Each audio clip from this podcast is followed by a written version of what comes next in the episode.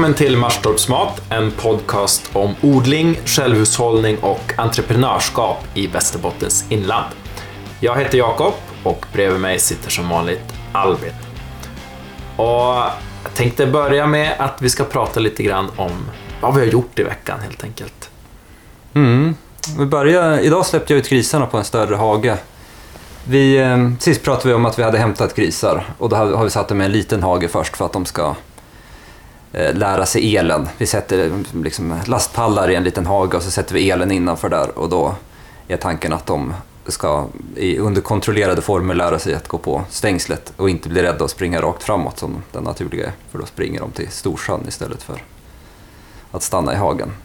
Nu kan de eltråden, hur det fungerar. Nu har de fått en större hage. De har, kommer ha träningsverk imorgon. De har sprungit runt som glada kalvar på ett kosläpp eller vad man ska säga. Ja, precis. Vi har grissläpp istället för Ja. kosläpp än så länge. Det är roligt. Så nu har de det som de ska ha det. Eh, du har sått en massa, fortsatt så, förkultivera. Ja, precis. Eh, Det är ju så att vi, eh, som vi har sagt tidigare, i princip förkultiverar vi allting. Mm. Eh, Sår eh, från frö då eh, i i brätten in i växthuset och driver upp starka fina plantor som vi så småningom planterar ut eh, på friland. Mm. Och eh, det har vi ju inte börjat med än, att plantera ut eh, på friland. Några plantor i alla fall. Vi har satt lök Mm, det var det första som kom i jorden, förutom vitlöken då som redan i höstas. i höstas. Men, så därför sår vi ju flera omgångar helt enkelt. mm, Driver upp plantor också. Det där är ju något vi jobbar med i år, att få bra precision på det här. Att många, många omgångar liksom ha fin jämn skörd över hela säsongen. Mm.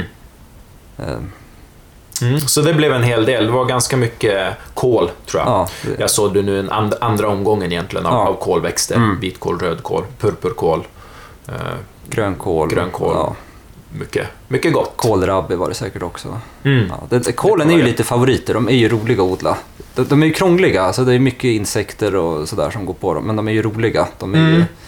Det blir de är ju mycket. vackra och de är ju, det blir mycket och det blir stort och pampigt. Ja, och de, de, får de, de behöver ganska mycket gödsel. Ja, Och sådär, men de, får de det så, så växer de ju Ja. bra även i det här klimatet. Så Mm. det, det är jo, de, de trivs ju, särskilt på höstarna när det börjar bli lite kallt så trivs de ju. Plus att det är ju en, har, har blivit en av våra favoritgrönsaker även vinterhalvåret. Det här med syrad, Ja, syrad. syrad kål. Ja, Och eh, du, du har ju, din favorit är ju syrad vitkål då. Eh, och och jag har ju blivit förtjust i rödkålen. ja. Och jag har ju en liten, en liten teori där om hur det, hur det kan komma sig. För, för ursprungligen så tyckte jag ju om vitkålen också. Men sen har jag börjat äta den här eh, rödkålen och eh, kan ju vara så att det är eh, kanske är lite olika bakterier i röd och vitkål. Kan det vara så?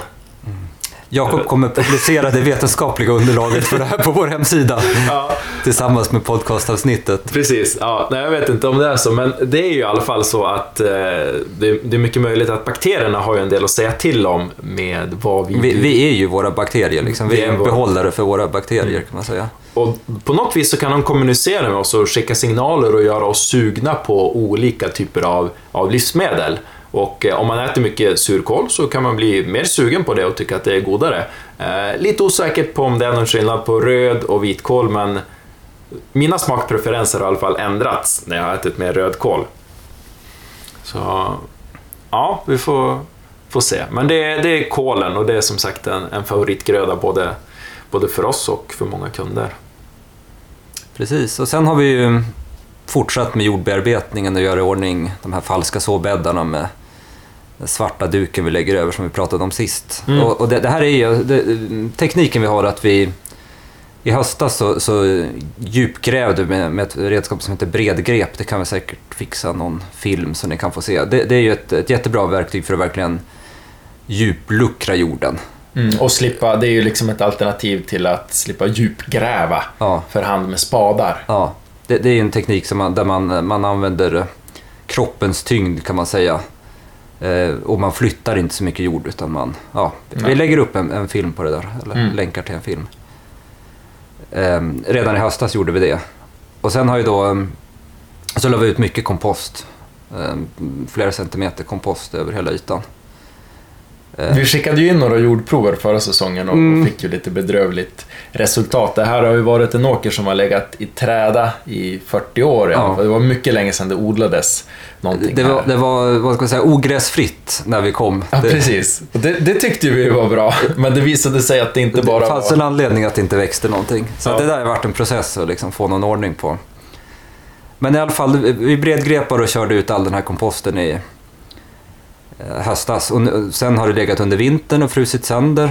Eh, kylan är ju bra för jordstrukturen också. Det kan ju döda en del eh, ogräs. Och sen har vi, nu fräser vi det där, jordfräs. Vi använder upphöjda bäddar så vi, vi höjer dem lite genom att kupa gångarna.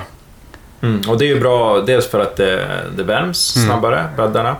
Eh, och eh, dränera bättre. Ja, dränera bättre. Ja.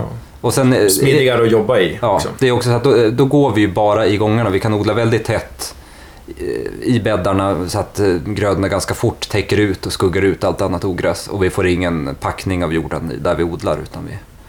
så, så där har vi liksom standardiserat och vi håller på ja, anpassa hela vår säga, maskinpark med våra vagnar och sådär som vi, handdragna vagnar, så att mm. de ska ha samma bredd. Och... Vår lågteknologiska maskinpark. Ja, precis.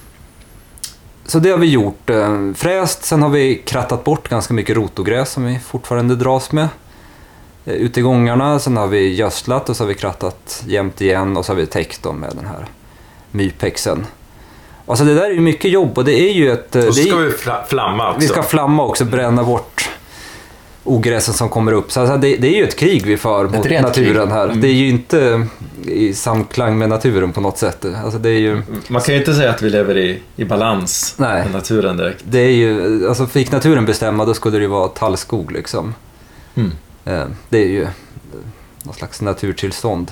Vi är dåliga på att äta barr. Ja, vi är ju det. Så att, eh, och det här med bar, bar jord har vi pratat mycket om. Det, det, är ju ett väldigt onaturligt, ni vet den här svarta, helt eh, perfekt rensade eh, trädgårdslandet. Den som har försökt vet ju att det är ett väldigt tillfälligt stadium. Liksom. Det krävs mm. väldigt mycket en kamp att hålla det. Våld mot det. Med gifter eller med stål av olika slag för att hålla, hålla den ordningen. Och så är det ju liksom. Alltså för, för maten kommer ju inte av sig själv. Eh, naturen Nej, vill något precis. annat. Mm. Och det där är något vi, alltså, permakultur är en rörelse där man försöker jobba eh, med naturen. Eh, väldigt uttalat liksom. Använda naturliga principer och, eh, och det är något vi har pratat mycket om liksom, och försökt förhålla oss till på olika sätt. Eh, men vi, men vi har väl konstaterat att eh, vi tror mer på ett, ett väldigt intensiv odling. Liksom, där det... Ja, vi har ju pratat om, nämnt det där begreppet ja. tror jag tidigare, att vi odlar liksom biointensivt. Mm. Ehm, utan vi har nog inte förklarat riktigt vad det mm. innebär, men vad menar vi med det? Ja, vad, alltså, vad, är alternativet och vad menar vi med biointensiv odling? Ja, nej, men en del är ju de här bäddarna. Att vi odlar, vi odlar väldigt mycket på väldigt liten yta kan man säga. Eh, delvis för att vi inte använder traktor. En traktor liksom har ju ett eh, breda däck och vissa avstånd och liksom styr ganska mycket hur man odlar. Eh, men det handlar ju också om, att liksom se till att den jorden vi odlar i är optimal och har optimala förutsättningar och att vi genom att odla intensivt kan använda liksom, ja, manuella tekniker. Mm. Och att det växer det som vi vill ska växa där och ja. inte en massa annat. Precis. Inom permakultur och sådär, då, då vill man ju gärna... Man äter gärna ogräs till exempel. Om man pratar om skogsträdgårdar där det... Mm. Och den arbetsfria trädgården med täckodling och olika sådana här naturliga... Och det, det, finns ju mycket liksom och intressant att hämta där, men det... Den arbetsfria och grönsaksfria trädgården. Ja, det är ju ofta slutresultatet. Liksom. Jag, jag har ju varit igenom det där och liksom prövat eh, mm. Täckodling och sådär. Och det, det går jättebra tills ogräset Ehm, tar sig igenom den där täckningen. Mm. Vilket det alltid gör. Ja, ska vi säga, alltså täckodling det är ju egentligen att man, det finns lite olika varianter, men, men den, den, enklaste formen det är att man till exempel lägger ut gräsklipp i trädgårdslandet. Och det, det gör ju vi också. Det, det är ju en ganska fungerande metod oftast. Mm, det är bra för att tillföra näring också. Ja, i, i en mer extrema varianter då har man tjocka lager av halm till exempel. Och, ja, man kan också ha levande täckning med att man, man sår någon annan gröda, subklöver eller något sånt där, eh, i bäddarna. Som vi säkert kommer att experimentera mer med, men det, ä- än så länge så satsar vi på svart och ogräsfri Ja, och det, jord alltså, mellan. på något vis i permakultur ingår det ju mycket eh, ideologi och, och liksom, det, är Mm. det är mycket, många filosofiska problem man har löst. Men Mm. frågan är om det är verkligen ekonomiskt hållbart. Och Mm. för oss så handlar ju ändå odlingen, det här i grunden handlar ju om att se om man kan producera mat Mm. på ett mer kostnadseffektivt, energieffektivt sätt. Mm. Alltså grundproblemet som vi har identifierat det är ju den här stora användningen av fossila bränslen. Mm. Både i, som används för maskiner och för att producera konstgödsel och eh, för att transportera mat väldigt långt. Eh, Och det är det vi liksom försöker utforska och lösa, lösa, se om det går att lösa och göra bättre på något sätt. Eh, Och sen som positiva sidoeffekter så har vi också identifierat många mervärden Mm. i det här som är mer kvalitativa. Som eh, man kan ju säga är mer subjektivt kanske också om man uppskattar det eller inte, men vi, tror ju, vi tycker ju ändå att det är ganska grundläggande. Ja, nej, värden för ja, människan. När vi, nu i torsdags när det var, satte löken där, man, liksom, man, vi kan prata med varandra under tiden och vi, Lyssna på fåglarna, känna vinden och behagligt. ja, Behag, vi hade tur, det var behagligt ute. Det är inte alltid det, men liksom det här att kunna vara ute och jobba, kunna ha en arbetsgemenskap, inte sitta själv och skaka i en traktor, Mm. få använda kroppen allsidigt, få eh, som, se naturen, ja vara naturen nära och grannarna, det är ju ofta sig. folk går förbi och stannar och pratar en stund och sådär för att man liksom är inom pratavstånd med omvärlden på något sätt. Ja, precis. Så, och, och det är ju många delar som vi tycker är jätteviktiga och Mm. uppskattar, men, men i grunden handlar det ju om att det ska... Det är ju ett experiment att se om, om det fungerar eh, ekonomiskt också. Eh, Och, och det är ju lite grann... En sak som vi har pratat mycket om är ju det här liksom, vad, vad kostar mat? Vi, Den kostar ju mer än vad den gör på affären. Nå, någon betalar ju. Ja, det, är- det är som det vi har kommit fram till. Om man köper, oavsett om det är kött eller grönsaker, Mm. liksom det billigaste från Euroshopper eller vad det kan vara på affären. Så, så billigt är det inte att producera mat. Det är någon, någonstans i den kedjan som det inte har gått riktigt rätt till. Men vi vet ju inte exakt vad det egentligen kostar att producera mat. Eh, på grund av att det ser ut som det gör. Idag. Ja. Det är väldigt sv- svårt det, att veta. Liksom. Ja, jag tänker, det har ju också med distributionskostnaden att göra. Det, det är ju lite där vi, vi har en möjlighet att, att lösa det ekonomiskt, att liksom ha de här nära kopplingarna till kunderna. Det, det är ju enorma transportkedjor, liksom, komplexa nätverk av ja, från, från eh, jorden hem till konsumenten. Mm. Ja, men och det, det är ju liksom att undersöka det här på, på ett mer hållbart sätt. Eh, kunna producera mat Mm. och, och se vad det kostar och se om det är rimligt. Mm. Det är som det vi experimenterar med. Och, och hittills så har det ju ändå gått bra får man säga. Mm. Det känns som att vi, vi kommer ju... Vi lär oss mycket och, och, och Det, det, ja. det är inte så att det verkar liksom svårare ju mer vi håller på, om man säger så. Nej, och alltså det finns ju, det finns ju, vi ser ju ingen ände riktigt på vad, hur, hur mycket vi kan effektivisera det vi gör. Vi, Mm. vi har ju dubblat ytan vi odlar i flera år och vi arbetar lika mycket varje år. Ja. Så att det innebär att vi har fördubblat effektiviteten varje år. Det är ju som positivt. Ja, Och det, vi Verkligen. har ju många tankar framåt hur, det, hur vi ska fortsätta utvecklas. mm.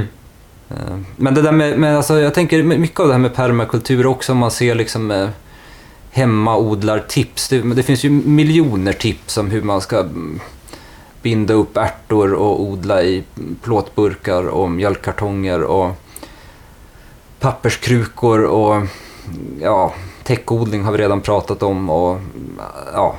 Och för, Ja, för oss är det ju ett liksom... tips som kommer lite grann från någon sorts... Eh, tänk, ett tänkt hållbarhetstänk, Ja, om man säger så. men där man inte har vägt in den liksom, ekonomiska Mm. hållbarheten i det och Mm. skalbarheten. Är det, liksom, för, för det är ju viktigt för oss att det vi ska producera det är ju mat. Alltså Mm. mat som gör att folk överlever, som gör folk mätta och glada. Det är, Och det måste ju vara liksom tillräckligt rationellt för jag kan tycka att Ja, nu måste man, om man odlar liksom på hobbynivå, det är klart man måste få odla grönsaker hur man vill. Men det skaver ändå lite grann inom mig när man ser det här att, att människor odlar på ett väldigt orationellt Ja. och ohållbart sätt. Om, de, om syftet är liksom att producera mat. Eh, och på något vis borde det vara det om man odlar grönsaker. De, de ska ju liksom ätas. Eh, och det finns så otroligt många metoder, precis som du säger, som, som kanske verkar eh, mer ekologiska eller så för att man använder gamla mjölkkartonger eller något. Men som inte alls skulle funka i praktiken. Mm. Och det ja. Så det är så- sån odling håller vi inte på med. Nej, men för oss är det ju, det, jag tänker det har ju med principfastheten, alltså det finns ju jättemånga principer vi borde ha. Alltså vi har, ju- vi har ju köpt eh, många kilo plast av olika former för att täcka på olika sätt i år. Och det Mm. borde man ju inte göra. Men, men om alternativet är att det blir så dyrt så att vi inte kan eh, producera eller leva på det här, att vi liksom drar ner, vi producerar inte mat mer än bara till oss själva. Då har vi inte heller vunnit någonting. Så det är hela tiden en balansgång att vara liksom så mm, hållbar som det är rimligt att vara för Ja, oss. precis. Och det, det är väl det där jag tror man måste ta hänsyn till och tänka på. Liksom, att det handlar om en balans och att ändå vara pragmatisk. Att vara, vara noggrann med, med ens ideal liksom, eller tanke. Vad, vad är det vi försöker åstadkomma? Mm. Men eh, man kan inte ha för rigida principer Nej. om man ska få det att fungera liksom, ekonomiskt. Ja. Jordfräsen är ju ett tydligt exempel. Alltså den är ju ganska föraktad om man läser. Akta, den förstör jordstrukturen, den hackar upp maskar och allt möjligt. Och den har sina problem och kan ställa till med jättemycket liksom, elände. Men, men eh, vi, kan, vi kan inte stå och handgräva 4000 kvadratmeter Nej. om vi ska få någon lön på det. Ja, precis. Och det där är ju något vi har diskuterat tidigare också. N- när ska man använda teknologi och motorer och, och fossila bränslen och när ska man inte göra det? Vi har tagit upp motorsåg som ett tidigare exempel, att det kan vara väldigt hög liksom, avkastning, hög, högt utbyte när man använder det på rätt sätt. Och jordfräs kan också vara ett sådant exempel. Eh, och, och sen är det ju, det har vi också pratat om tidigare, att eh, faktum idag är ju att fossila bränslen är så pass billigt så att det är kostnadseffektivt att använda enorma maskiner och odla på enorma arealer. Men där tänker ju vi att det inte är riktigt hållbart. Så därför, och där kommer väl någon form av idealism in också. Eh, att vi har Ja, andra eller, tankar. realism liksom om. Ja. Vi har ju pratat om peak oil och sådär också. Alltså det, att det vi måste på något sätt förbereda oss för. Ja, det är ju vår tider. tolkning i alla fall av, av verkligheten, hur det ser ut. Mm. Ja, Ja. Vad, vad har vi gjort mer då? Du, du har varit på galej. Jag är lite trött idag, om ni, ni får ursäkta. Jag har varit på, vi har sån här eh, cykelfest. Det är också en del av liksom att bo på, bo på landet. Cykelfester. Ja, jag vet, det är ett eh, vedertaget begrepp. Idén är liksom att man, man anmäler sig och sen får man då, fick vi ett eh, brev hem i brevlådan att vi ska förbereda en förrätt för sju personer. Vi vet inte vilka det är. Och så gör vi det och då kommer det, ja, Man vet ju ungefär eftersom man vet vilka som bor här. Ja, fast det, nu, Ja. nu känner vi, vi, särskilt som vi är ny, eller liksom inte har generationer bakåt, så, Mm. och det, det bor 350 eller vad det är i byn, så att... Eh, eh, ja, det kommer några som man inte vet vilka det är, och så äter man förrätt och sen far allihop iväg till liksom nya, ät, där man äter huvudrätt någonstans och så får man iväg i nya grupper och äter efterrätt någonstans och sen träffas hela byn på bygdegården och super halva natten. Och det där, alltså det, det där, jag uppskattar ju det. Alltså det är ju något fint med den där att, jag vet också när vi kom, eh, när vi flyttade hit första dagen liksom, så var det någon granne som kom och ska ni inte komma ner till sjön, vi ska grilla liksom. Och vi, Mm. Ja, jo men det lät väl trevligt, men vi visste liksom inte riktigt vad, vad, vad som väntade. Skulle man liksom ta med så här eh, ja, kaffetermosen eller starkölen eller hur det var. Så kom man dit och då var det liksom hela den där skalan. Att eh, bakom dasset stod det någon 17-åring och rökte och några barbröstade herrar vid, runt grillringen liksom. Och så några tanter med rabarberpaj och så. Ja, men det är där att man är liksom tvungen att mm, ha den där friktionen mellan. I en, I en Mm. stad så väljer man ju vilka man umgås med på ett helt annat sätt. Ja, precis. Och det har ju blivit väldigt spännande sen, sen, vi, har börjat, sen vi har flyttat hit och börjat med alla våra projekt. Jo, alltså det är ju som ett, ett en, en, hårt Stå- arbete att hålla gubbarna i byn med någonting att skvallra om när vi har våra försök med att...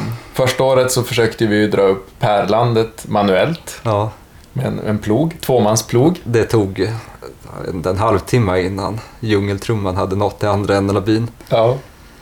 Eh, Ja, men det är Vi, ju... vi försökte ju flotta timmer uppströms också en gång. Ja. Jag vet inte om någon såg, det är ganska risigt där nere i bäcken. Mm. Men det kanske kom fram.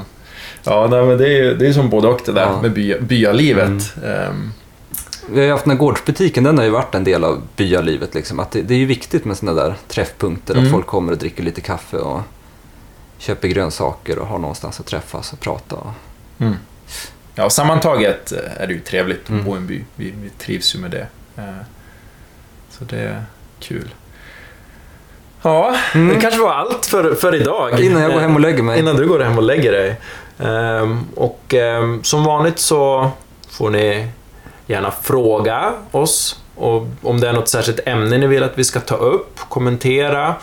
Ehm, och ehm, annars tackar vi väl för det här oss. avsnittet Ja. och så hörs vi igen. Välkomna tillbaka nästa gång. Jag tror vi ska prata ekonomi nästa gång. Mm, ekonomi och distribution och Försäljning, kund. marknadsföring. Ja. Ja. Viktiga, viktiga ämnen. Mm, Vi säger så. det gör vi. Hej då. Falling down. I should have stopped, but I do not know how. Just for now, let's make things right.